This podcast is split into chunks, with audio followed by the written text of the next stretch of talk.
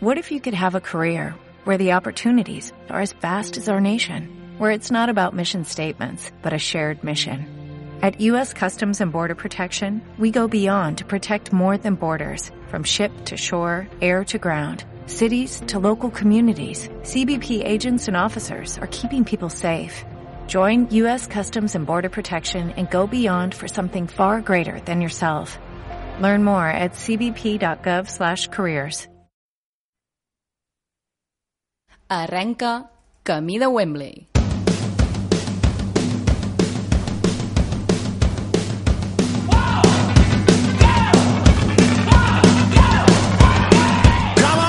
Sergi Ferragut i Cesc Camps presenten Camí de Wembley, un programa d'esports que no us deixarà diferents.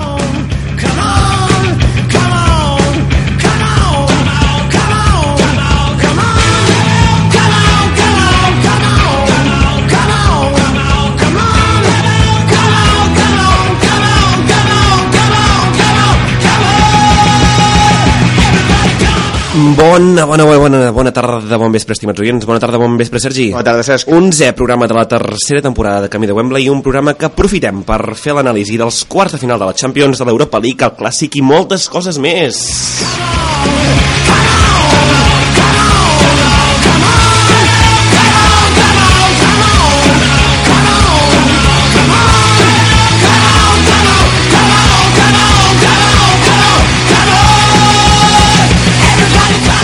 Tot això, tot això ho farem acompanyats de tres grans amics que ens visiten des de fora d'Arbúcies, aquí a l'estudi de Ràdio Arbúcies.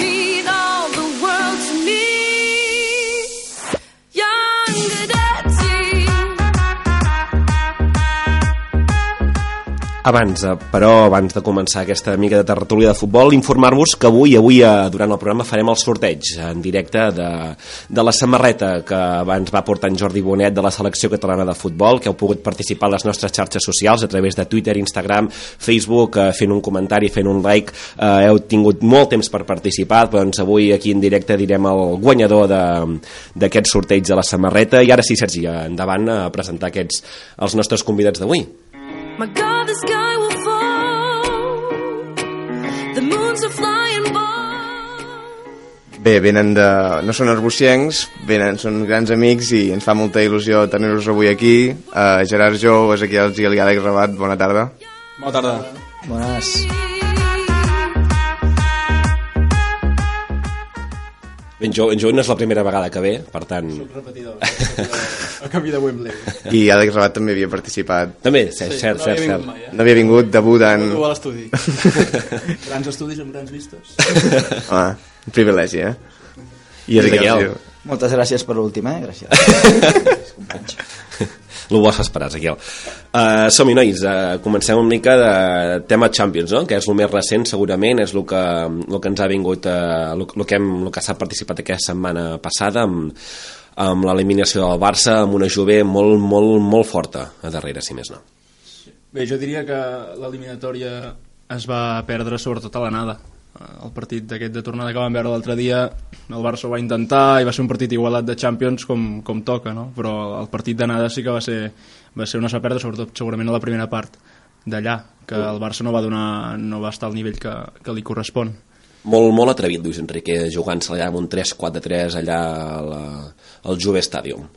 Bueno, jo crec que al final Luis Enrique bueno, ha optat moltes vegades per alguns jugadors que molta gent creu que no estaven al, al nivell adequat per participar en aquest tipus de partits i crec que a mitja part... parlem de Mathieu? Parlem de Mathieu, com podria ser més bastant obvi, no? I crec que a mitja part ell se n'adona pues, que, que s'ha equivocat, no? De totes maneres... Eh, Però, però el canvi que fa mitja part per, per, intentar, per intentar aixecar això és André Gómez. Bueno, és que durant tot l'any s'ha vist que Luis Enrique tampoc no és que tingui una gran varietat en a l'hora de, de fer els canvis, no? sempre ha optat per als mateixos recanvis i amb molt poca varietat a l'hora de, de reaccionar no? quan el partit se li ha posat a la contra de totes maneres crec que el mateix partit de, de l'anada si tu aconsegueixes marcar un gol després la tornada la veus molt diferent no? el, el camp de, de l'anada no, no penalitza No, I és, és veritat que el Barça a l'anada sí que va tenir alguna oportunitat per fer el gol, recordo una d'Iniesta, crec que era, uh, en, en Buffon a l'1 que li treu. Amb l'1-0. Amb l'1-0, aquella, i fins i tot a la segona part, amb 3-0, el Barça pot fer el 3-1, que si el fas sí que estàs dins de l'eliminatòria i no cal un altre miracle que és impossible de repetir. Si realment eh, el Barça a l'anada no és tan inferior com el PSG, com, el, com l'anada del PSG, no? Vull dir, eh, se- se- segurament és, és inferior per, pel 3 a 0, però però no és tan tan inferior com va ser el dia del PSG, que allà va ser, sí que va ser un escàndol aquell dia. Sí, sí. Jo, jo del partit d'anades, sobretot a part de, del tema de Matier, que, que, que està clar que, que crec que no pot jugar al Barça, però també hi ha, hi ha Mascherano de pivot, que, que, que segurament tampoc tenia gaires alternatives aquí, potser, eh, Luis Enrique, però jo crec que penalitza bastant jugar amb un, amb un jugador així al mig centre, al Barça, que en teoria necessita la pilota per sentir-se còmode i que és evident que amb Mascherano de mig centre doncs és molt més difícil tenir-la. Sí, al final, amb uns quarts de final de Champions has de, has de demostrar un nivell molt alt. Ja, els equips que arriben ja són perquè són els favorits i sí que a vegades es cola algun equip de, de rebot, però normalment ja, i més jugant a fora has de demostrar un nivell molt alt i, i el Barça, evidentment, com deia en Gerard, la primera part no, no, no va estar al nivell i això va, va, va castigar tota l'eliminatòria ja. Sobretot jo crec que la Juventus sabia perfectament quin partit havia de, de jugar, no sé si perquè havia vist molts partits del Barça, perquè tothom ja el coneix, i la sensació era que el Barça o Luis Enrique o els jugadors, o no va saber-ho transmetre als jugadors, els jugadors no li van fer massa cas, eh, no va saber jugar en cap moment, en cap fase del partit es veia còmode, ni amb la transició ofensiva i menys amb les transicions defensives, que, que era evident que la pilota rebia sempre Dybala en aquella posició intermitja, que hi havia un forat enorme perquè la defensa reculava gairebé a l'àrea petita i hi havia les tres jugades o quatre que van haver-hi el gol de Dybala al segon. El, el, el primer de Dybala que rep sol a la frontal de, de l'àrea petita es pot girar, pot xutar... Sí, però pot... això és un- Aquest encara, jo Però- crec que el segon Sí. gol, el segon, el que marca Dybala, que llavors veus Mascherano que torna al trot com si fóssim nosaltres, que Sí. estem tornant. Veies aquell Gil. I dius, clar, exacte, jo vaig imaginar Ezequiel Gil, número 10, sobre el Sils, tornant, i pensava, set, Set, perdó, set. set, que no doy. Set, que, que encara el té a l'armari. el, el, el vaig tornar, el vaig tornar Ui, ui, ui. Però, però és veritat que jo crec que el Barça no va sortir no va sortir amb la concentració necessària, almenys algun jugador, molt clarament, el cas de Mascherano, jo crec que és claríssim. Aquella primera part és un desastre. Sí, la mateixa jugada va passar a la segona part que per sort el Barça va ser Kedira qui va xutar, que va xutar desviat, però va ser la mateixa jugada, una jugada fins al línia de fons, no sé si Mandzukic o Quadrado, ja passa enrere i, i Kedira xuta a la mateixa posició que Dybala, però amb menys qualitat i va anar als núvols. Però era aquella jugada que la defensa reculava molt i en canvi al mig del camp hi havia un espai enorme. I crec que és veure poc la Juve perquè fins al partit anterior contra el Napoli els tres gols del Juve van ser així. Vull dir, també és una mica de...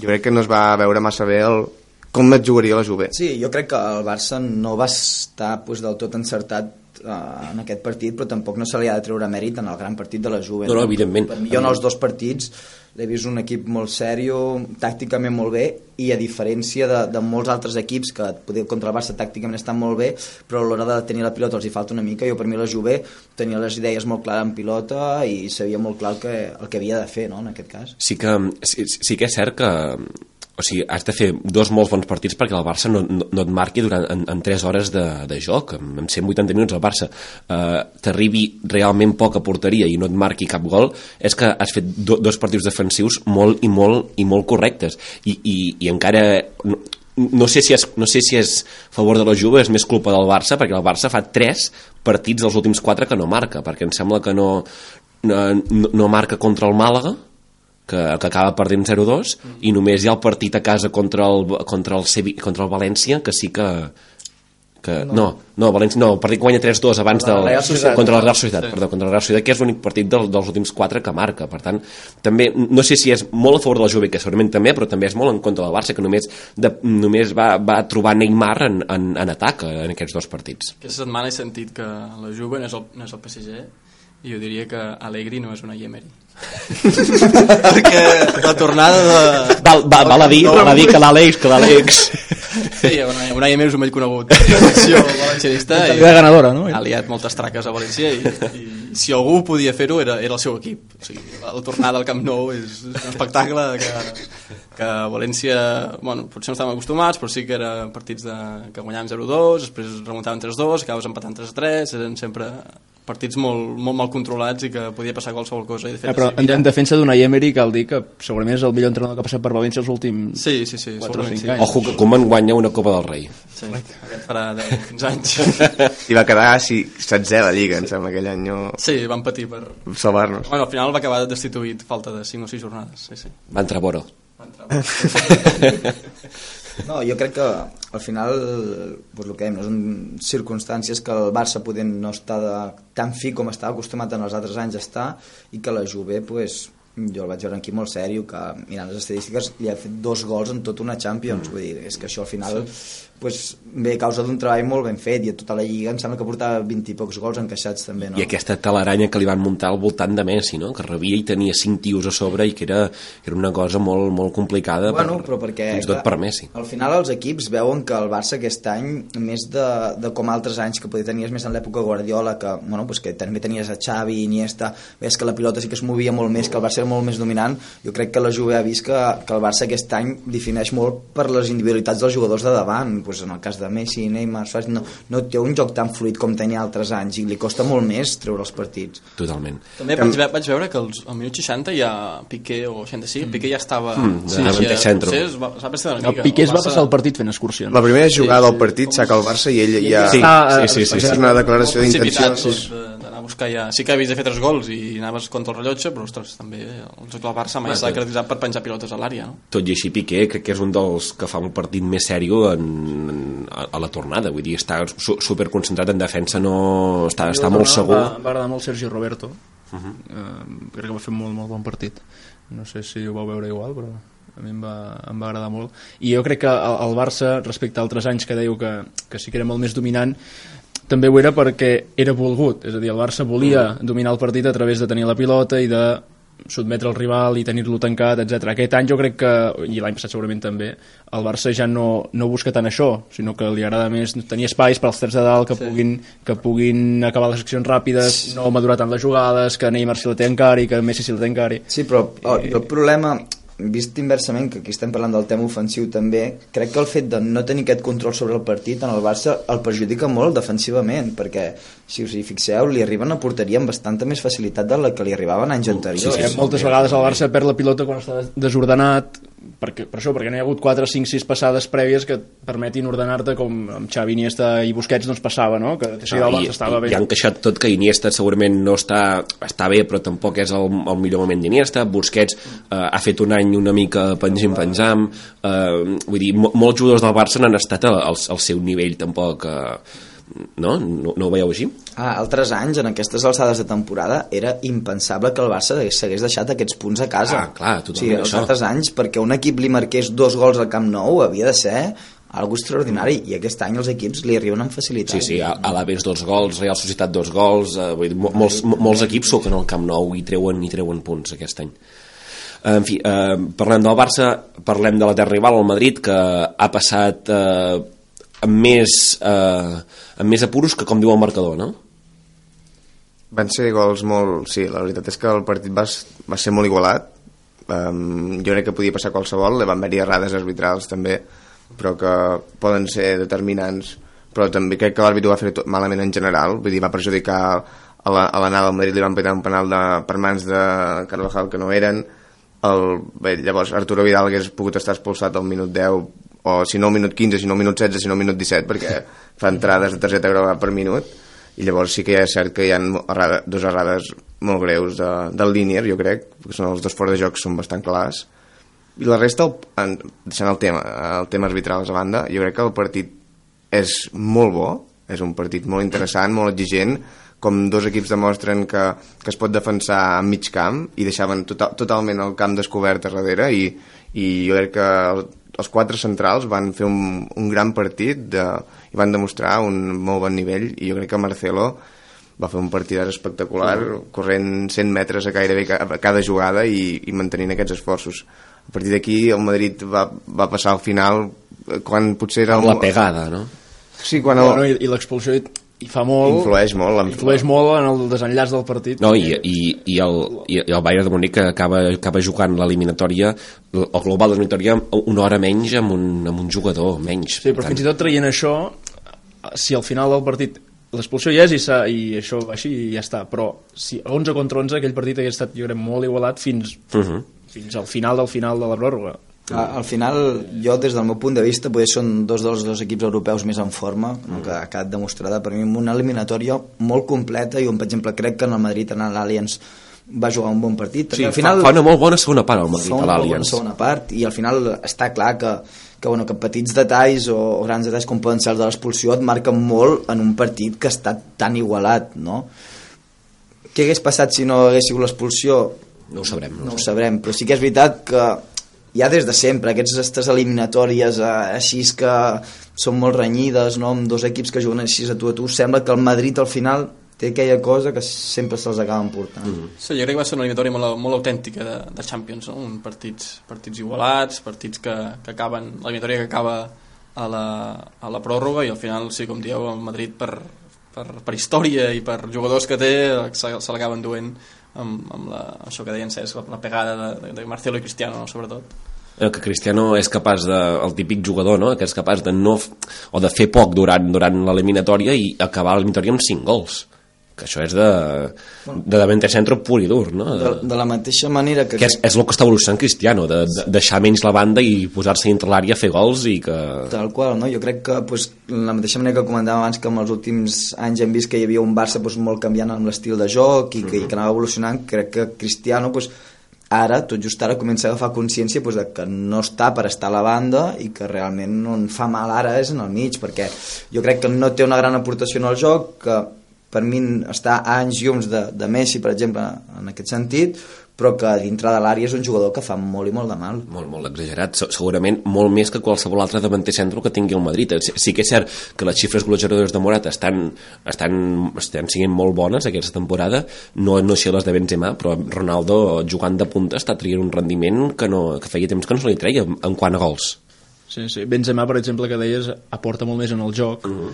ofensiu del Madrid que, que no pas Ronaldo, però clar, Ronaldo et defineix, que al final és el que, el que serveix també. I segurament quan pagues per un davanter centre també és perquè faci els gols. A més, el Madrid eh, de jugadors que aportin en el joc en té de titulars, de suplents i No els utilitza. per això, per això mateix i té, té jugadors de sobres vull dir, els minuts que juga repartits entre Kovacic, James, Isco, Asensio i Lucas eh, són molt pocs i en canvi són tots jugadors molt vàlids i que et, et, donen, et donen molt de futbol i tot i així doncs, encara sempre juga- acaba jugant a la BBC va tenir sort a Zidane que no va haver de fer jugar a Bale que estava lesionat, perquè si no hagués fet jugar i jugar amb un menys, de la manera que està Bale actualment eh, és, vull dir, va, va estar en aquest punt de, de sort que va poder fer jugar Isco, tampoc va fer el gran partit Isco, que la gent s'esperava No, també no, no. Eh, gra- molt, Sí, però perquè al final jo crec que aquests tipus de partits a Isco li costa molt, perquè davant té un equip que li treu la pilota, que el fa treballar tàcticament, que el fa treballar defensivament, i Isco és un jugador, doncs, com vam veure poder l'anterior cap de setmana, no? que el Madrid era més dominant, que ell es podia despenjar molt més, és un jugador doncs, que... és un jugador molt més ofensiu que en treball defensiu li costa molt el treball molt, i defensiu. el Bayern, jo per mi doncs, li va treure en gran part del partit tota la pilota en el Madrid i va ser bastant dominant en, en el joc. Tot i així el Bayern, perdó Sergi, se- el, el salva Neuer, perquè Neuer fa, fa 3-4 parades que són, que són gols cantats i, i el Bayern es pot quedar amb, amb un 3-0 eh, al minut al minut 45 que, que ja, ja, ja tens l'eliminatòria sentenciada i Neuer està, està allà en els moments claus que és el que li demanes en un porter però, però sí que és cert que està en un nivell molt i molt bo Neuer. Sí, fins i tot eh, el partit d'anada també el Bayern va sortir viu de, de l'Allianz perquè els últims, l'últim quart d'hora. No hi va treure tres mans que haguessin pogut ser l'1 a 4 o l'1 a 5 no, però el, el, el que comentava és que jo crec que Zidane eh, es va equivocar, li va acabar sortint bé però la, va jugar amb un rombo mig del camp en comptes de jugar amb un 4-3-3 va posar Isco com de fals 9 o, bueno, de fals 9, de mitja punta i de Kroos i Modric de les dues ales del, del rombo. I feia que aquests dos sigui, havien de ser els jugadors a tapar els dos laterals. I jugadors que estàs, no, estàs, no estan acostumats a fer aquests sprints de 80 metres, jo crec que va ser un forat espectacular a les dues bandes, que el Bayern no va estar de sort, però dos contra uns cada banda, tant a Marcelo amb, amb Robben i Riveri, i tant a Carvajal com a Marcelo, que haguessin pogut acabar molt malament. Jo crec que va ser una, una lectura tàctica horrible per Zidane. Sí, jo crec que, que sí, però mm, amb la sort per mi que té de tenir dos dels millors laterals que hi ha a Europa ara mateix i poder mundialment, perquè jo crec que Carvajal últimament està a un nivell espectacular i bueno, ja no parlem de, del partit que va fer Marcelo no? per tant, jo crec que confiava que les bandes es va jugar l'1 per 1 no? I esperàvem que, que rascava quan, quan els altres fos un partit de, de toma i daca no? Realment el Madrid té, té molt bons jugadors a totes les posicions, poder, poder, potser no, no, no acaben de, de quadrar com a equip o que, que els resultats llavors diuen el contrari, eh? però sí que és cert que té eh, quatre molt bons centrals perquè Nacho està rendint a un nivell espectacular eh, està Ramos, que evidentment que Ramos és, és, és un central top, està Modric, està Kroos, està, té jugadors molt i molt bons a totes les posicions i això al final és el que acaba passant Té una plantilla molt, molt completa. Molt, diferència del molt. Barça, potser aquest any, Mhm. crec que el Madrid... Eh, molts cops se li ha criticat els fitxatges a base de talonar i tot això, però aquest any la plantilla del Madrid és molt més completa que no pas la, Totalment. el Barça i, i permet que en camps com a Pamplona puguin jugar els que no són tan habituals i, i té, mantinguin aquest nivell. Jo diria que en, en relació al Barça, aquesta és una, és una diferència fonamental. El Madrid ha fitxat bé i el Barça no és que no hagi fitxat, el Barça també ha fitxat. El que passa que ha, fitxat ha gastat més, ha gastat, tot. Sí, no sí. sé, potser més. Sí, sí, molt més, molt no sé, més, sí. Però ha fitxat jugadors que, que no t'aporten, que no Clar, aporten que res. només fa falta de veure la comparativa dels fitxatges, no? Si poses per una banda pues, el que ha fitxat el Madrid i a l'altra el que ha fitxat el Barça i el rendiment que han donat, ja sigui de, del, del gran equip del València, no? O coses així, eh, amic Rabat? Sí, el Barça ja sabem que cada estiu ve picar a la porta i s'emporta alguna ganga. no? O a bon preu, a part, ens portem allà. Això encara és l'única cosa positiva, no?, que, que aneu fent diners a contra del Barça. Sí, a veure aquest any com... València i Arsenal, crec que els últims 10 anys... Sí, sí, sí. Home, crec, crec recordar al principi de temporada un tuit teu que deies que Villa no sé per quan el fitxa al Barça, no sé si són 40 quilos. 40 milions també. I és un, era, un, era un davanter top, el millor davanter d'Espanya, el millor davanter de top 3 mundial en aquell moment, i en canvi ve fitxa Pablo Cárcel per 30 milions, que era un... 15 gols. Bueno, tots, tots hem vist aquest any el rendiment del Càcer, no? Evidentment, evidentment. Sí, sí. Sí. Ara ja, aprofitant aquest moment que hem parlat dels dos, el, cla- parlem un moment del clàssic, tot i que el programa s'emetrà en posterioritat, nosaltres farem una mica de prèvia, intentarem encertar el resultat. Veurem um, com el veieu. Bueno, jo veig un partit a priori que encara poder els dos equips sembla que arribi el Barça després d'una eliminació que no estigui tan fi. Jo crec que serà un partit molt igualat perquè el Barça al final és l'únic que li queda, no? O, o, o sap que o va guanyar el Bernabéu o que la Lliga la té molt complicada. Jo crec que el Madrid tampoc es tornarà boig encara que jugui a casa perquè sap que té el resultat diguéssim, a, a favor a, que fa el balanç a la Lliga que el Barça podrà portar la iniciativa del joc en bastants moments i que el Madrid pues, com ha fet els últims anys en els partits que li han anat bé en els derbis esperarà tranquil·lament a darrere i que li surtin les seves opcions una mica a la contra per dir-ho d'alguna manera no? després dependrà pues, una mica de l'encert dels dos equips a les dues àrees no? Crec que en un clàssic, com en una final, no, no valen les dinàmiques, les ratxes, és un partit completament independent i a 90 minuts a, a vida o mort i, i això que diu l'Ezequiel, no? que el Barça només li serveix ja guanyar per si vol tenir opcions de, de guanyar la Lliga i, i això crec que serà un partit a, a, bueno, com sempre un partit de l'any sempre pinta i, i aquest any amb l'al·licient aquest que si el Barça ja no guanya ja pràcticament la Lliga ja se'n va, se'n va pel Madrid Sí, jo diria que els dos equips l'afronten diferent. Hi ha un component que és el de sempre, que és la rivalitat, i el Barça-Madrid, i el, segurament el millor partit, el partit que el món està més pendent eh, de, de l'any, no? Però és cert que el Madrid té una, un avantatge important respecte al Barça, queden pocs partits, i per tant el Barça s'ho juga tot en aquest partit, perquè si no s'ha acabat. S'ha acabat la temporada, pràcticament queda el partit de la final de Copa, però estem a mes d'abril, i si el Barça no guanya aquest partit, Se li acaba la se li acaba la temporada. Per tant, és un component més d'una pressió afegida que, si es canalitza bé, segurament serà positiva, i el, és a dir, tots dos equips sortiran concentrats i al màxim, això segur, però el Barça ha de, ha de ser conscient que, que només li val sortir amb els 3 punts, perquè si no no, no hi ha res més a fer en, en aquesta lliga, la Champions estem, estem eliminats i, i queda la final de Copa, però, però esclar, és un mes i mig que s'ha. Sí, és l'última setmana de maig, o sigui, tenen un mes i mig que pot ser, es que pot, pot ser, es pot fer dur, eh? I coneixent l'entorn Barça, premsa, etc. Ja suena... Eh, I més, més, Menys Mitchell, tothom. a part de tot això, jo crec que el pitjor que li passa al Barça és que el Madrid segueix viu a la, a la Champions, no? Al final, la Lliga i la Copa, des del meu punt de vista, penso que en els últims anys són dos títols bueno, que la, la gent els hi dona una relativa importància i que últimament el que està premiant és la Champions, que al final si tu fas un bon any i guanyes Copa i Lliga però el Madrid et guanya la Champions mmm, a la gent no està contenta tampoc en aquest sentit els aficionats, no? Sí, potser la, sí, la, la, la mateixa lectura, si la Champions l'acaba guanyant la Juventus, seria una, una altra lliga. Exacte. En canvi, t'acaba guanyant la lliga al Madrid i és, hòstia, no ha sigut un bon any. Perquè tu has fet, has guanyat la lliga, has guanyat la copa, però, hòstia, la, la duodècima. Sempre hi ha la comparativa amb el, Sí, amb el Madrid. això és, bueno, això és, són pols oposats i a més a més a l'inversa també passa. Ai, penso que, que realment la gent li, li dona importància això, no? perquè en el mateix cas, si el Madrid no et guanya la Champions i et guanya la Lliga, dius, bueno, doncs nosaltres hem fet un mal any, no? però si el Madrid t'acaba guanyant la Lliga i la Champions, Mm. És, és pitjor l'any. clar, és, és molt pitjor, per molt que tu hagis guanyat la Copa. per molt que tu hagis guanyat la Copa. Però dit això, el Barça faci el que passi, guanyi la Lliga, no guanyi la Lliga, guanyi la Copa, no guanyi la Copa, el que ha de fer aquest estiu és plantejar-se seriosament què vol fer una mica amb la seva vida, perquè hi ha, hi ha, no, home, és cert, hi ha, hi ha jugadors Posem transcendental. hi ha jugadors que, que es van fent grans Iniesta, Se'l renova o no se'l renova? Això s'haurà de decidir, no? Quin rol tindrà? Gerard Jou, director esportiu del Barça, renova Iniesta. Bueno, jo crec que més que reno...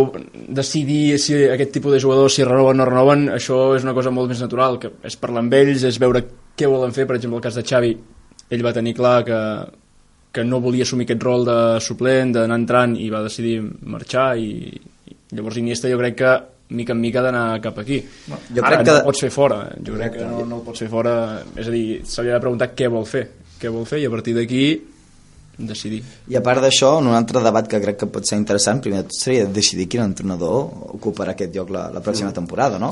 Semblava molt clar al principi que Luis Enrique va dir que plegava, semblava que hi havia dos candidats molt clars, com era un Zue que podia ser Sant Poli i podia ser Valverde, i ara, dia d'avui, doncs no, no, no, hi ha res, no hi ha res absolutament clar. Jo crec que, des del meu punt de vista, el Barça necessita un entrenador que vingui amb una mica d'aire fresc, no? que, que torni a canviar una mica, que li doni una altra volta en el sistema, no? que, que torni a donar-li una mica de volta en l'equip, que, que encetin una mica amb els fitxatges, perquè si no al final sí que és cert que el Barça porta No anar a València... no anar, no anar a València, Ho agrairem, ho agrairem. important. no anar a València a fitxar, no? Al final sí que és cert que Zaza, Simone Zaza. amb, amb petits detalls, no? amb petits matisos que el Barça ha anat canviant aquests últims anys, però porta molts anys mm, seguint el mateix sistema, eh, els jugadors, vulguis que no, clar, va durar una època que sí que ho guanyaves tot, però tenies un dels millors equips de la història, tenies el, el millor jugador del món en el nivell òptim, tenies a Xavi, Iniesta, ho tenies tot en allà, no?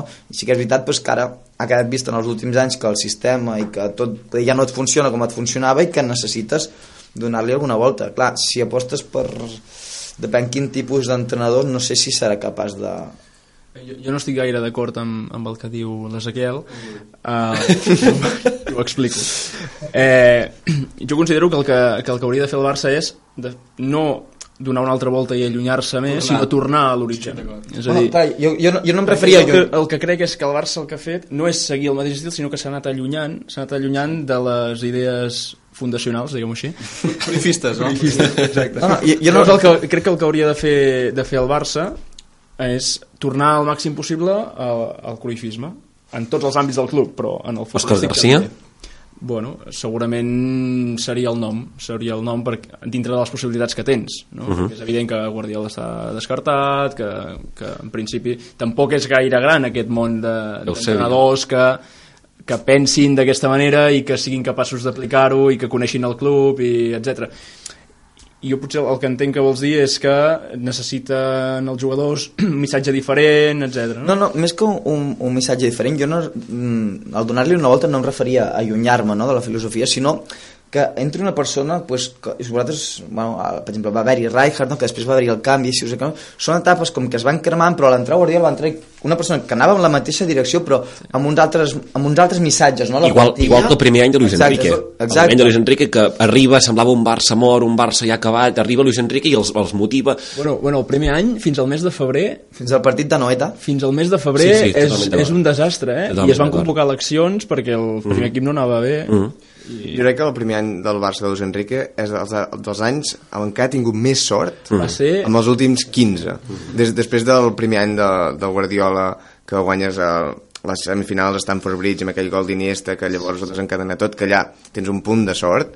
Jo crec que des d'allà Luis Enrique torna a recuperar aquella sort en partits molt dolents en Lliga molt dolents i que els acaba tirant endavant per la màgia de... Bueno, i, i jo penso també que jo penso que al començament la relació entre la plantilla i el míster no era del tot bona d'acord. però que hi ha un punt que marca el punt d'inflexió que és el que parlàvem de Noeta i jo crec que a partir d'aquí les dues bandes van veure que, que, bueno, pues que es necessitaven mútuament per aconseguir el que tots volien al final de, de temporada no? tots volien els èxits i, els, i, el, i bueno, tots volien la Champions i la Lliga a final de temporada i que arriba un punt després de Noeta que diuen vale, mm, poder no estem del tot d'acord en depèn de quins sentits però ens necessitem un a l'altre per, per tirar això endavant Vale, va, estem, mut- estem monotilitzant molt el, el programa amb tema Barça. Sí, tallem ja, això, sisplau. Anem a, anem a, anem a fer porra de, del clàssic, que tot i que sigui tot, tot i que ho, ho estigueu sentint post, post clàssic, però bueno, ja, ja, amb qui, ja amb qui ho haurà encertat.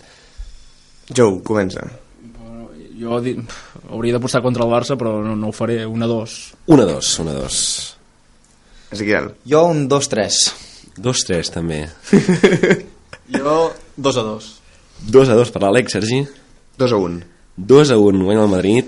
això és a l'avui a Cornellà al Prat no? Aquest, aquest és el bo. Aquest estaria molt bé avui, eh? Jo me la jugo i dic 1 a 3, va, vinga, així no repetim, no repetim resultats, som va, molt optimistes, eh, molt, molt optimistes, bueno. Seguim, 1 a seguim... 3 amb gols de Neymar o sense gols de Neymar? Ah, sí. Ah, sí, sí, cert, cert, cert, totalment d'acord, totalment d'acord. Jugarà, no jugarà Neymar. Jugarà Neymar? Bueno, bueno mm, No, no saps més que nosaltres. al final hi ha certs rumors no, que corren i que bueno, decidirem esperar les últimes hores veiem com evolucionen Jo diria que no jugarà. Jo, jo crec que tampoc, jo crec que tampoc. Jo... Que li van caure? Tres partits van ser els que li van caure. bueno, ja, estem en temes legals, no?, que va presentar recurs a l'últim moment a la cautelar. eh, El, esperant que no es reunissin En cas, en cas que no jugui Neymar, qui és el jugador? Paquito. Paquita. jo, jo crec, jo crec Sempre Paquito. Jo crec que ha quedat demostrat no, que amb els jugadors de València no hi podem confiar. Per tant, crec, jo crec que Luis Enrique ens sorprendrà per primer cop poder en temps en aquí i que poder introduirà una petita variant a, en l'11, no? Com podria ser poder posar Arda Turan una mica més cap a dins i donar més força al mig. Arda ja està, Arda ja està preparat, no? Està, està a punt ja, em sembla que entra convocatòria. Sí. Bones notícies. No sé, què és, no sé què és millor, eh? Papers molt molls, papers molt molls. Um, Bueno, passem als altres equips de partits de Champions que Matem un doncs, vinga. aquest divendres... Sí, crec que li hem donat massa volta i tot. Um, altres partits de Champions es va disputar el, el sorteig el passat divendres, ha deixat un Atlético, Madrid-Atlético i un Mónaco-Juve. Sí, senyor. Um, bueno, el primer partit deixa, li hem donat Bueno, un moment, abans, abans, de, abans de fer l'anàlisi de les semis, on, una mica l'Atlético superior en el Leicester, Bueno, un rebat que, que ens opini. Sí, jo, crec- jo, jo, bueno, jo vaig mirar només el, la, la tornada, però jo en el, en el global de l'eliminatòria, bueno, l'Atlètico és un equip que sap molt bé el que juga i, i, i costa molt jugar amb, amb equips com, com l'Atlético, que plantegen un partit molt, molt físic, molt, de, molt ben col·locats defensivament, i jo crec que en el global de l'eliminatòria sí que van ser, van ser superiors. i el Mónaco Dortmund amb aquest altercat a l'anada amb el problema del... bueno, problema amb aquesta mica d'atemptat o que no sé. resulta, no que sé no com sé si Sí, sí, sí. heu llegit les últimes informacions que, bueno, que tampoc saben al 100% segur, però es veuen que són bastant fiables, és que aquesta persona que va atemptar contra el, el bus de, del Borussia de Dortmund tenia accions del Borussia i li interessava que baixessin i per, va per poder-les comprar, no? Exacte, per poder-les comprar i... i hòstia, vull dir, és, és molt greu, eh? Baixar hauran baixat. Sí, sí, sí, clar, clar, clar, no, no, i de fet, de fet quan, quan, quan, hi va, quan va passar la quan va passar l'accident eh, van baixar de seguit i va ser ell des de l'hotel qui va comprar les accions per vendre-les al cap de, de, de que, X to- que temps. tornessin a pujar i es veu que va posar en, el- en, l'escena del crim, diguéssim, eh, diversos objectes que poguessin pensar-se que fos un atemptat terrorista per intentar cobrir-se les esquenes i finalment la investigació ha acabat resultant que l'han enganxat segurament es menjarà un bon, bon puro I el, el, el Dortmund perjudicat per culpa d'això en els dos partits? Em pensava que això només podria passar a la comunitat valenciana, no? Perquè veig en altres llocs a Europa que també passa, no?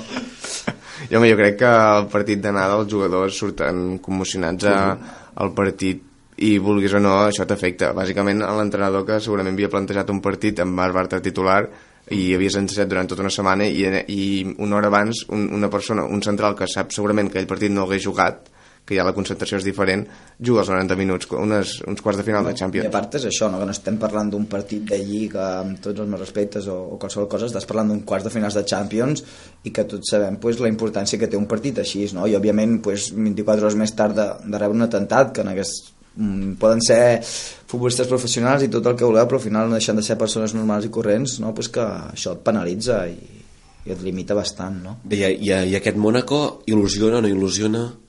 Jo crec que serà un dels clars candidats a, al títol, no? És un dels tapats, però jo que, que l'he anat seguint bastant. És un equip, també el que parlàvem, tàcticament molt correcte, amb les idees molt clares a la contra. Té diversos jugadors que, que, bueno, que ara sí que se n'està parlant bastant, però eren totalment desconeguts al principi de temporada. I jo crec que serà una eliminatòria molt, molt interessant, en el que el Mónaco poder portar el pes dels partits contra la Juve, però bueno, tots ja van veure el nivell, el nivell de la Juve, no? Bonucci, Cellini... No, segurament, si una de les virtuts del Mónaco és la contra, contra la Juve serà el primer rival que trobarà en aquesta Champions en les eliminatòries que potser li cedeix el pes del partit És a dir, prefereix. i per tant Sí, jo sí, crec sí. Que, que el Mónaco preferia jugar contra el City preferia jugar contra el Borussia i potser fins i tot hagués preferit jugar contra el Madrid que no contra la Juve Clar, jo crec que el Mónaco contra el Madrid també és preferit segur. Jo, la gent parlava, hosti, no volen el Madrid, no volen el Madrid. Jo crec que els tres equips que hi havia, pel perfil que tenen els tres equips, els tres eren un, un perfil d'equips que el, Madrid, el joc del Madrid li va molt bé, perquè el Madrid ha quedat demostrat no? que quan li dones la pilota doncs no es sent tan còmode Però deixa les esquenes un pèl descuidades. deixa les esquenes un pèl descuidades i els tres equips, tant Atlètic de Madrid com Juve i Mónaco. Juve i Monaco són tres equips que defensen molt bé i que a la contra surten amb les idees molt clares Bé, i en el sorteig hi ha conspiració, no hi ha conspiració? Bueno, ja últimament, no? Ja als últims anys ja, ja es parla així de boles calentes, comencen a haver-hi vídeos també per la xarxa, no?, que, que ho demostra una mica. No sé, eh, al final tots volem pensar que no, no? Però no sé fins a quin punt un- unes semifinals de Champions que, que hi ha tants interessos secundaris per aquí ho deixen tot a l'atzar, no? Si al final tot això és un negoci i, i és un circ, i al final som víctimes d'aquest circ i bueno, sí que es pot sospitar, com dius aquí en alguns vídeos, que s'ha semblat que hi havia una mica de mà, mà oculta aquí, però, però bé, no, no. Això suposo que costarà molt de, de descobrir. És difícil demostrar aquest tipus de, de coses perquè a més a més ho fan fer-ho a, a fu- exfutbolistes que, que pot semblar difícil que els puguis eh, comprar però tot i així Bueno, això de... bueno, Bueno, podem parlar-ne, no? Eh, de, fet, de fet, un dels que treia les boles era Figo, no? no. el, d'aquest era Ian Rush Sí, ha, hi ha res. Uh, candidats a la final. Eh, jo crec A part que, de tots quatre. jo crec que Madrid-Juve Madrid-Juve... Sí, jo crec que sí, per, per pes i per plantilles i per història, jo crec que Madrid i Juve són... Jo crec que en alguna de les dues eliminatòries hi haurà campanada. No et sabria dir en quina, però està clar que jo crec que, bueno, que, que a priori són molt més favorits Madrid i Juve per, per tot, no? per pes, per història, per perquè les dues estan en un molt bon nivell també, exacte, perquè les dues no cal oblidar-nos que futbolísticament tant Madrid com Juve estan en un molt bon nivell però a mi m'agradaria pensar que en alguna de les dues eliminatòries hi haurà, hi haurà alguna sorpresa home també seria hora que l'Atlético de Madrid aconseguís eh, imposar-se a la ten rival en Champions que, que, que els últims dos anys se'ls ha creuat bastant i amb, amb gols molt dolorosos al 93 doncs potser és el, Sí. Home, hi ha, hi ha la, el, la, el partit de tornada al Bernabéu um, quan, amb el Bayern, que amb, amb l'1-2 al marcador, que et portava a la pròrroga, um, hi, ha, hi ha un corn al 93 i tot, el, i, tot- i tot el Bernabéu és... Oh, no, però és que el, torn, el torna a rematar aquell corn Sí, sí, sí, sí. la porteria, però és que el torna a rematar. rematant, acaba Eh, rematant. Ancelotti defensava els corners amb zona. Sí. Sí, tots, sí, absolutament sí. tots però vull dir, tots els homes de la... normalment fas una mixta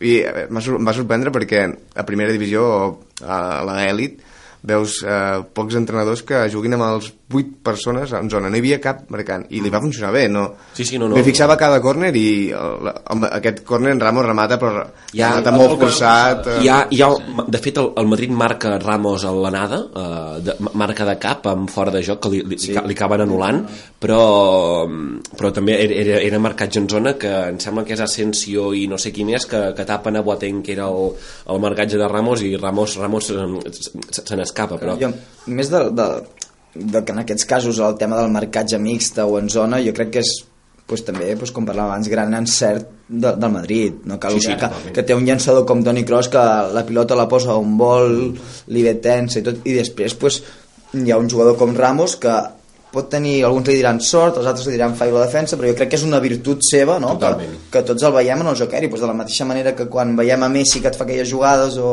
o veiem a Neymar que, que et fan això i tothom diu, oh, pues, la qualitat, no sé què, pues, jo crec que en aquest aspecte del joc Ramos té una virtut que és molt superior a la resta. Vinga, doncs eh, seguim endavant amb aquesta tertúlia i què us sembla si anem a parlar una mica del Girona? Com ho veieu, això? tenim, tenim, Fantàstic. Tenim l'Alvis pendent. Soci aquí. Uh, endavant, endavant, endavant. Mira, vaig parlar amb els meus companys de, de, de Seient la setmana passada i De seguida a l'estadi. a l'estadi, sí. I per, va, va dir, mira, per primer cop crec que... Que era Cristian Panucci. Cristian Panucci, un, un gran i Un col·laborador d'aquest programa. col·laborador també sí, sí, habitual. Jo vaig dir, crec que aquest, avui, eh, després del partit de, de Tenerife i després dels resultats del diumenge, vaig dir, crec que això no se'ns escaparà. Ja som, som 8 punts, va acabant, veig el, veig el Girona, sobretot, ara, era molt important recuperar aquelles tres derrotes que vam tenir, som, eh, puntuar i guanyar, vam, vam fer-ho i ara ja, ja crec que... No, I, i això és que, Va rodat ja. el bo és que vam passat el, el, el turmalet, no?, una mica, mm. uh, segueixes a 8 punts del tercer.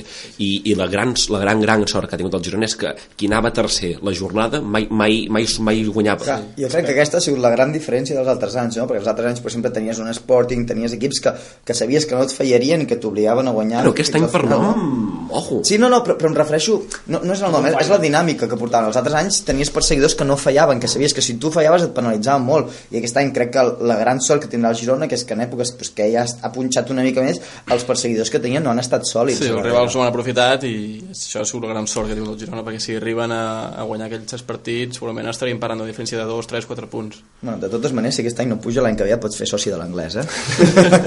doncs també s'ha de dir que els, els rivals, a part que hagin punxat, tampoc veus un equip sòlid en el que puguis confiar o patir de que pugui aconseguir el Girona. Vull dir, són equips que poden fer bons partits, però ni l'Oviedo, ni el Tenerife, ni el Getafe, ni el Cádiz tenen una plantilla o, ten, o ofereixen un futbol com per dir d'aquí a final de temporada faràs 8 punts més que el Girona.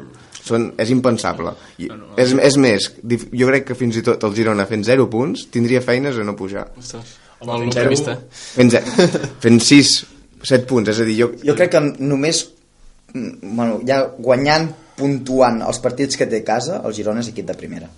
Sí, sí, perquè em sembla que queden 8 partits per acabar la temporada I en té 5 a casa, em en penso. té 4, 4 a casa i jo, jo, bueno, qua, Sí, quatre, cinc a casa. 4 5 a casa que és això, només, només fent els punts de casa Jo crec que ja, ja no sumant-ho tot, eh? Vull dir, no perdent, jo crec que el Girona aquest Sí, any... també hi ha molts enfrontaments entre els perseguidors i qui es perdran punts. El factor aquest del playoff que fins al sisè vagi a playoff fa que el setè, el vuitè i el novè encara estiguin actius opcions, i, i puguin competir quan hi jugui amb Oviedo, No, Getafe. i, i, exacte, i, i el bo és això, que, el, que els altres ja veuen que estan a 8 punts del Girona i que ja han de desconnectar, arriba un moment que han de desconnectar, començar a reservar jugadors pel playoff també, perquè el Girona, Tenerife, Oviedo, tots aquests, tots aquests equips tenen, volen, volen pujar i, i diuen no, no podem per via directa, doncs mira, anem a reservar, anem a reservar per playoff i anem a, anem, anem a veure si són al campionat, que és complicadíssim el playoff, perquè són, són, tre, tres, són dos partits... No, Què li diràs al Girona, no? Quatre partits a mort. Són. Oi, et condiciona molt també la planificació de la propera temporada de jugar al playoff, Sí. perquè clar, se t'allarga la temporada, pràcticament llavors ja no hi ha vacances i si acabes pujant I els, has de començar a moure Has de- fitxatges, clar, els no fitxem per saps. segon, els fitxem per primera, el per renovacions sobretot per també tant, moltes és bàsic vegades que el Girona pugi directe Ah, perquè recordem que els contractes que acaben a 30 de juny i, i els play-off acaben allà gairebé. Sí, mitjans de juny sempre, sí, sí. Bueno, el que pot cantar l'Iron aquesta setmana és el Llevant, que gairebé està a falta de 24 punts, està a 19, si aquesta setmana guanya i el tercer no guanya, ja, ja, ja té l'ascens té l'ascens directe, un Llevant molt i molt i molt superior aquesta temporada. El Llevant sí que jo crec que encara que no fes cap punt d'aquí a Sí, final sí, de temporada totalment, acabaria totalment, pujant. totalment, totalment, aquest Des del gener em sembla que està en primera ja, o sigui que ja no hi ha... Sí que és l'únic equip que ha destacat. És, és raro, és raro. Una perquè- notícia, tornarà al derbi... Sí, no? Ja. Sí. Bueno, i, a certes èpoques de la temporada es dubtava que pogués haver Sí, està salvat a València. Confiem que sí. Home, sí, a, a, Mai he patit. La, la, a, a primera hi ha tres equips molt destinats a, al descens, no? Sí, potser l'Sporting al final...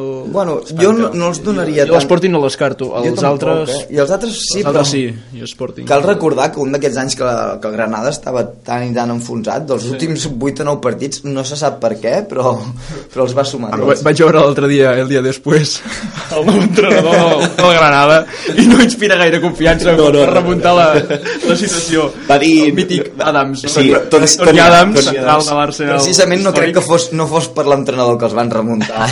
Va anar- Tots sabem va anar com deixant- va això a final de deixar una temporada. a, a la presentació, el rotllo que vengo aquí a revolucionar-lo todo, no sé què. La setmana passada ja va catxar 3-0, aquesta setmana doblet de Ganso amb el Sevilla. Vull dir que di, di, diu molt que Ganso et faci un doblet, també, eh? És No, molt... jo crec que el Granada és equip no matemàticament però psicològicament sí, matemàticament de, de segona, el Sona Osasuna encara va per sota, està a 3 punts del Granada, per tant... i, i l'únic és, sembla que és l'Sporting està en 22 i ja el Leganés en 27 Sí, senyor. que és, que és No, I l'Sporting també per joc. Sí, però és un que- equip que, que, que ho Sí. està fent bé des de l'arribada de Rubi. Mm. Està, Rubi mai ha acabat de tenir sort, eh? Rubi sempre ha faltat aquest punt Bueno, de l'any de sort. Girona sí que... Sí, però Sí, què, va què faltar, passa? exacte, al final. Clar, però el problema jo crec que... Llavors, perdó, i, i, se'n, i se'n va al Barça i passa tot, sí. passa tot lo de Tito, no? Sí. Que és, és una mica... Jo crec que el problema que tenen al Granada, per exemple, Carlos Gat tota la temporada, és que tu al final, quan apostes com un, per un entrenador com Paco Gémez, no? que saps que, pues, que té un estil de joc molt definit i que ell et confeccionarà una plantilla en funció del que ell vol jugar, Primeres de canvi. Aviam, tu, però tu ja saps a, a quin tipus d'entrenador estàs contractant, no? Per tant, jo crec que si apostes per una persona així, al final li has de donar continuïtat perquè creus en el seu projecte. El que no pot ser és que els primers de canvi vagi fora. Pues per què? Perquè l'entrenador que torna després pues, tindrà una plantilla poder mm, adaptada a un model de joc que ell no el farà Ah, és que servir. no? és que després de Paco Gémez fitxen Lucas Alcaraz. Que sí, sí. sí, sí. El posat Sí, de, sí, sí. de Paco Gémez. la, la línia a seguir no és La molt direcció clara esportiva del Granada, no sé qui deu ser. Sembla alguna que hi ha... els pots Sembla d'alguna que hi ha per aquí a la comarca, eh? Uh, no, i sí que és cert, perquè van, van fer una, una presentació amb Paco Gémez, rotllo Pep al City, no? allò amb multitud, eh, multitud, no, amb quatre gats hauria de ser Granada, no? però amb un plató allò gran, amb Paco Gémez responent preguntes del, del públic i que allà, no sé què, i em sembla que és la jornada 5 que ja... A Granada hi ha molta gent que durant el dia pot anar a fer preguntes. Sí. doncs a la primera de canvi el ventilen i dius, no, no, no, no vas bé el, el que sí que és cert és que és una salvació molt, molt barata aquest any Sí, sí, sí. no? normalment estàvem Abans- acostumats a salvacions a 40 punts Però això ja, ja fa temps, eh? Que, saps? Va baixant, va Va baixant, eh? Aquest any no estàs a Aquest any que estarem a 22, 30, no? Sí, sí, sí, estaràs allà. 30 et salves, jo crec. sí, amb, Sí. segurament amb 33 punts estaràs salvat És que la- jo crec que la Lliga cada cop més pues, es diferencia en, com poguessin dir, tres blocs, no? Sí, per mi un seria, bueno, aquest any que s'ha despenjat una mica, però seria Barça, Madrid i Atlético, aquests últims anys, que semblava que els tres estaven sempre allà dalt. Aquest any semblava que Sevilla... Sevilla. Sevilla, que Sevilla, però al final s'ha acabat desinflant. Sevilla ha fet un baixón després del Leicester Sí, però perquè al final... Ha perdut objectiu. Exacte, i, i són plantilles que no estan acostumades... l'efecte a... Sant Paoli ja no funciona Bueno, però esclar, no, no estan acostumades a competir en aquest nivell i, i aguantar aquesta tensió tota la lliga, no? I, i clar, al final això pues, t'acaba penalitzant perquè la que et desinfles una mica pues, ja que has anat cap a baix després hi ha aquest altre grup que és de Villarreal Sevilla, Real, Real. Societat Espanyol. Bilbao, Espanyol. sí, llàstima, llàstima que no podem posar-hi el València Tornarem. I, i, i després pues, una part de baix pues, que, que, bueno, que en els equips pues, hi ha cada cop més gran aquesta part de baix Sí. No? Sí, sí, el, el nivell de primera divisió des de fa 3 o 4 anys cada cop és més baix. Del desè per avall... Sí, però- Eh, l'Espany- l'Espanyol aquest any potser és l'únic equip que ha millorat respecte Però- a l'any anterior però portava 3 o 4 anys en plantilles molt i molt fluixes salvant-se. Però per, jo crec que el, el, el, el clar o sigui, la, la cosa que està clara és que l'Espanyol, per exemple, per què ha fet aquest canvi? Pues perquè econòmicament ha tingut una injecció, no? Sí, però aquest any... Clar, però, però clar, ha fet aquest canvi aquest any perquè l'ha tingut, però jo crec que hi ha tanta diferència econòmicament entre uns equips i l'altres que al final no pots competir-la, no? No, però... no, però... és, és evident que el 99% de, de la, que causa això és, és el factor econòmic. És a dir, si, no, si uns equips guanyen, eh, no sé si són 14 vegades més que uns, és normal que els partits també es diferenciïn gairebé per aquestes Al final, si vols, depèn quin tipus de jugadors, que al final tots sabem que són els que ens marquen les diferències, eh, tu necessites pues, un, no, un coixí econòmic que et permeti fer aquest tipus de fitxatges. Si tu no tens aquestes... Sí, No. eh, però també és veritat que, sent cert tot això que dieu, si mirem la Premier, el que provoca que tots els clubs guanyin molts diners és una inflació del mercat brutal, pagant-se quantitats desorbitades per jugadors que són... Si llavors està la gestió que es Clar. faci millor o pitjor, eh? que en el cas del Premier que en aquest cas hi ha molts equips, bueno, jo que sé, el Liverpool, per exemple, és un club que quants diners s'ha gastat els últims 10 anys? Sí, sí, no. I no ha fet, tret d'una temporada, Bueno, la, perquè- la resta no han sigut mai competitius. Sí, però, però internament, internament la, Sí, la Lliga és més igualada, És sí, molt sí, més sí, igualada, sí. perquè ells, jo crec que els hi donen molta prioritat a lo que és la marca Premier, no? que ells, ells valoren molt la, la marca, crec que, que és el que la Lliga està intentant. Bueno, no? de fet, el- l'últim de la Lliga de la Premier cobra més que l'Atlético de Madrid, eh, el tercer de la Lliga Espanyola. que, i això al final s'ha de notar. clar, No, però, però sí que és cert que aquest any a la, a, la, a, la, a la Lliga hi ha hagut projectes que a principi de temporada feien eh, o, o hi havia moltes il·lusions posades i, i al final de temporada han acabat eh, semblant València Com quin cas? eh, les, les Palmes Betis per exemple, jo crec que són dos equips que a principi de temporada il·lusionaven allò Les Palmes sí que... sí, però aquest està dotzè eh, sense... eh, però Són equips que ja és el que aspiren. Les Palmes se li demana que se salvi. no? Igual que el no, Betis. no, aspira, no No, aspiraven però, però el Betis, principi, Poyet, el no sé què, saps? Poyet que va durar tres jornades, també. No, no, sí, sí, sí. Vull dir, fots, fots, la, fots la gran inversió en Poyet, que Va durar més que l'entrenador del València o menys va ser, no? Por ahí, allà van estar. a València què, l'any que ve?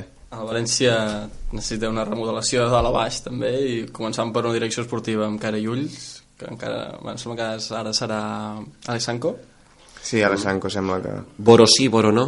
no, no. per mi no per mi no No, i de fet que aquells també ho tenen clar, que sí. I buscar per un què entrenador. apostaries com a entrenador? Però és difícil, eh? Però jo apostaria per un entrenador més contrastat Una perquè mica s'hauria de definir una mica Ranieri. l'estil, no? Del... Creus que, creus que es podria menjar els torrons el pròxim any? És l'objectiu, jo crec. és que acabi la temporada, és que podrà passar de la gent. jo espero que tingui un entrenador um, consolidat, amb una mica d'experiència, perquè els últims anys ha vingut entrenadors que, que em sembla que estaven tenint el títol, estaven fent pràctiques, em sembla. Canel Belloc, no? Uh, nois, som-hi, ens, ens queda poc temps i ens queden dos temes importants per parlar abans de- abans d'acabar aquesta, aquesta tertúlia. La primera, i crec que és un dels temes més importants, que és Albert Dalmau. On és Albert Dalmau? Havia de venir, el que. Per compromisos no puc.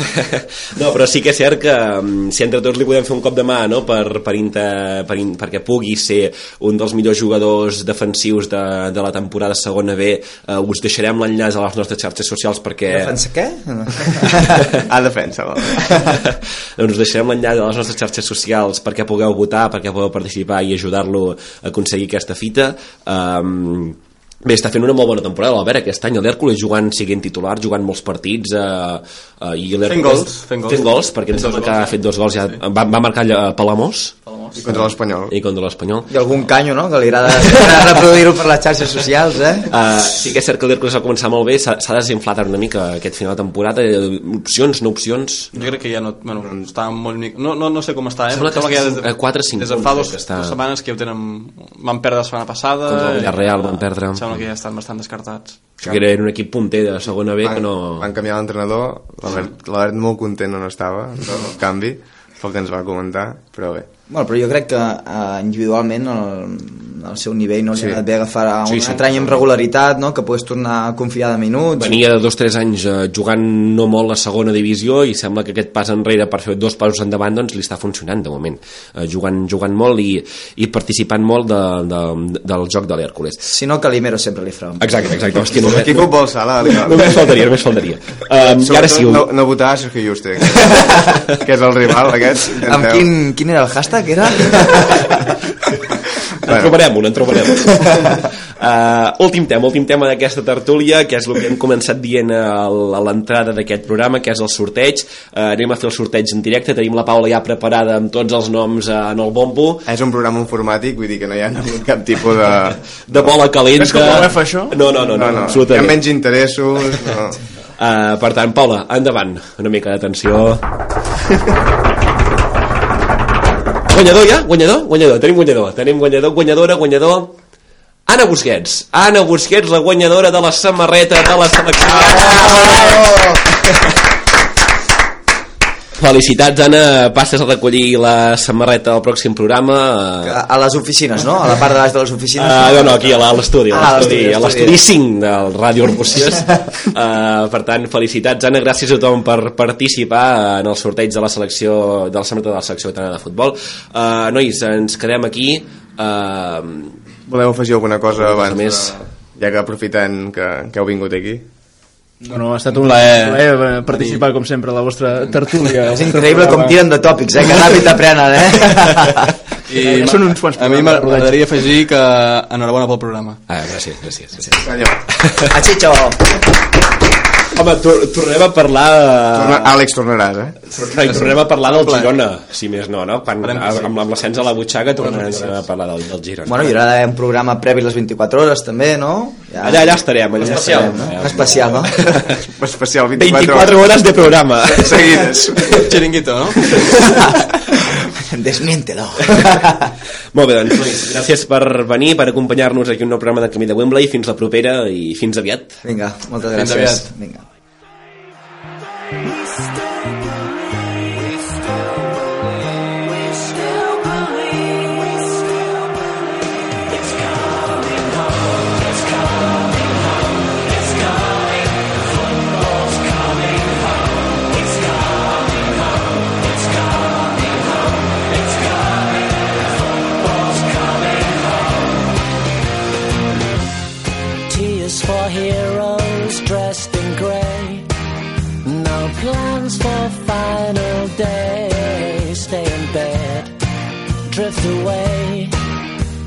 It could have been all songs in the street. It was nearly complete. It was nearly so sweet.